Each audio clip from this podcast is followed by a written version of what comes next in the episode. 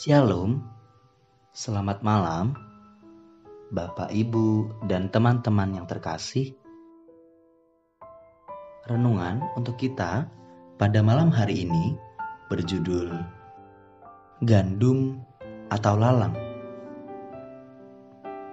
Dan bacaan kita diambil dari kitab Injil Matius pasal 13 ayat 24 sampai ayatnya yang ke-30. Beginilah firman Tuhan.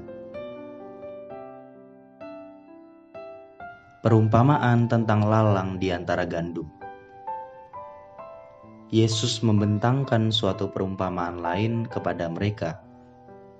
Katanya, Hal kerajaan sorga itu seumpama orang yang menaburkan benih yang baik di ladangnya.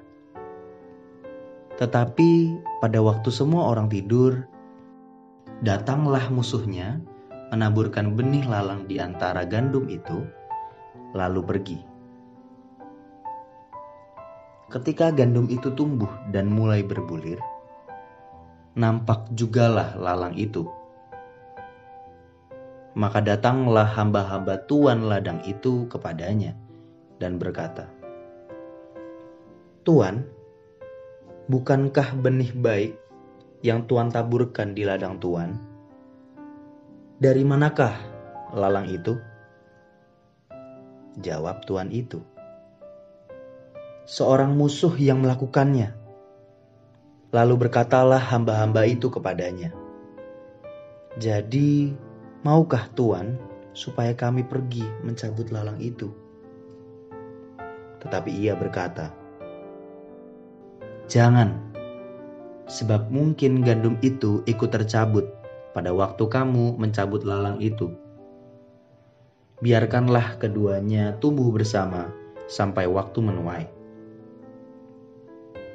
Pada waktu itu aku akan berkata kepada para penuai, kumpulkanlah dahulu lalang itu dan ikatlah berberkas-berkas untuk dibakar. Kemudian kumpulkanlah gandum itu ke dalam lambungku. Orang yang suka berkebun tentu tahu bagaimana gemasnya melihat tanaman liar lain yang tiba-tiba tumbuh di antara tanamannya. Selain mengganggu pemandangan, tanaman liar juga menghisap sari makanan yang seharusnya hanya menjadi konsumsi tanaman yang sedang dipelihara. Biasanya orang tersebut akan langsung mencabut tanaman liar agar tidak mengganggu pertumbuhan tanaman peliharaannya. Perumpamaan tersebut merupakan gambaran mengenai keberadaan umat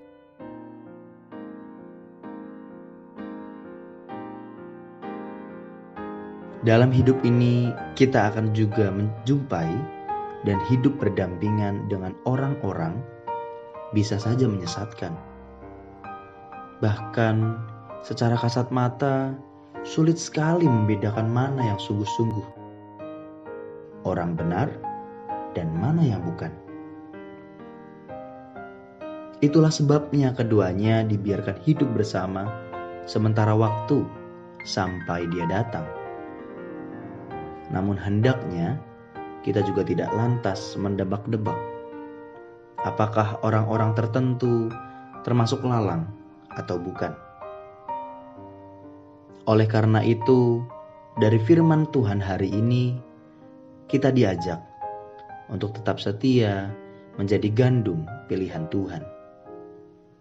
Yang sekalipun hidupnya dikelilingi lalang, namun tetap tumbuh dan berbuah sampai hari menuai tiba. Demikianlah renungan pada malam hari ini. Semoga damai sejahtera dari Tuhan Yesus Kristus tetap memenuhi hati dan pikiran kita. Amin. Bapak, Ibu, dan teman-teman yang terkasih, Mari kita bersatu hati menaikkan pokok-pokok doa yang ada di dalam gerakan doa 37 STAK Marturia Yogyakarta. Mari kita berdoa.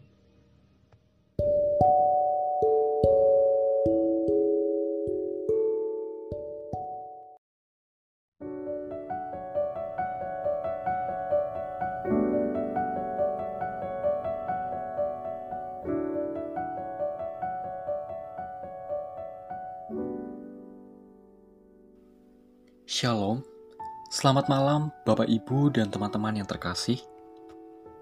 Renungan untuk kita malam hari ini berjudul Janji Allah di Tengah Keluarga.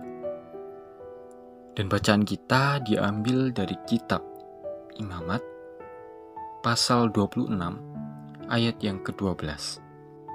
Beginilah firman Tuhan. Tetapi aku akan hadir di tengah-tengahmu dan aku akan menjadi Allahmu, dan kamu akan menjadi umatnya. Keluarga adalah bagian persekutuan terkecil yang ada dalam kehidupan orang beriman. Keluarga juga adalah prioritasnya yang paling utama. Secara umum, keluarga selalu menjadi tempat pertama untuk berbagi kasih sayang mengatasi masalah yang sedang terjadi, dan membentuk karakter diri masing-masing individu dalam keluarga. Keluarga juga ada karena adanya kehendak Allah. Dia juga memberikan karunia berupa kehadiran anak di dalamnya. Walaupun dalam kasus tertentu ada juga keluarga yang hanya terdiri dari suami dan istri tanpa kehadiran anak di dalamnya. Dengan pemahaman seperti ini, maka kita dapat mengatakan bahwa kehadiran dan peran Allah sudah terlihat secara nyata sejak awal kehidupan keluarga itu terbentuk. Kita telah lewati hari demi hari, minggu demi minggu, dalam menghadapi kehidupan ini.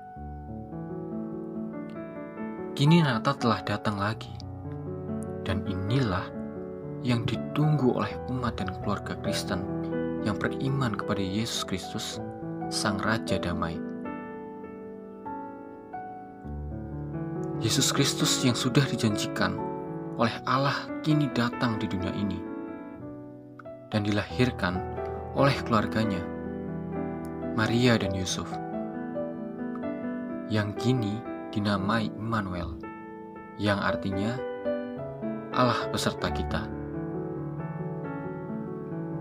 Ia datang ke dunia ini sebagai raja di atas segala raja, sang penebus dosa manusia, memulihkan dan membentuk kembali dunia ini, supaya manusia tetap utuh dan bersama-sama dengan Allah. Yesus Kristus lahir dengan sukacita di tengah-tengah keluarga sebagai manusia biasa.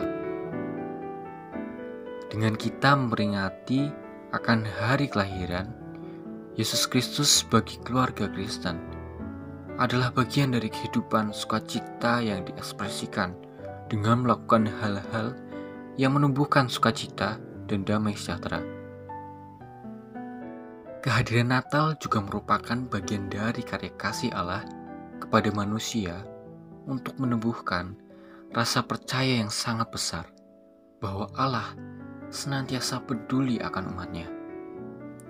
Dengan demikian, maka pertemuan dalam bentuk rasa dan percaya haruslah terwujud nyata dalam kehidupan umat dan keluarga. Mengapa? Karena Allah lah yang menginginkan adanya penyadaran bahwa Allah senantiasa peduli Allah yang senantiasa bertindak secara luar biasa di dalam kehidupan manusia.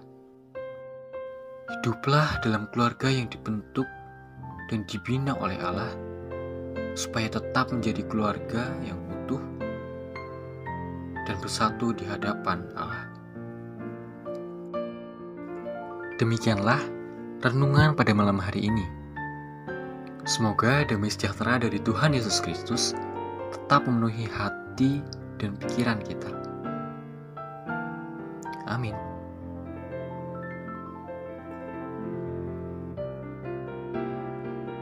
Bapak, Ibu, dan teman-teman yang terkasih, mari kita bersatu hati menaikkan pokok-pokok doa yang ada di dalam gerakan doa 37 STAK Marturia Yogyakarta. Mari kita berdoa.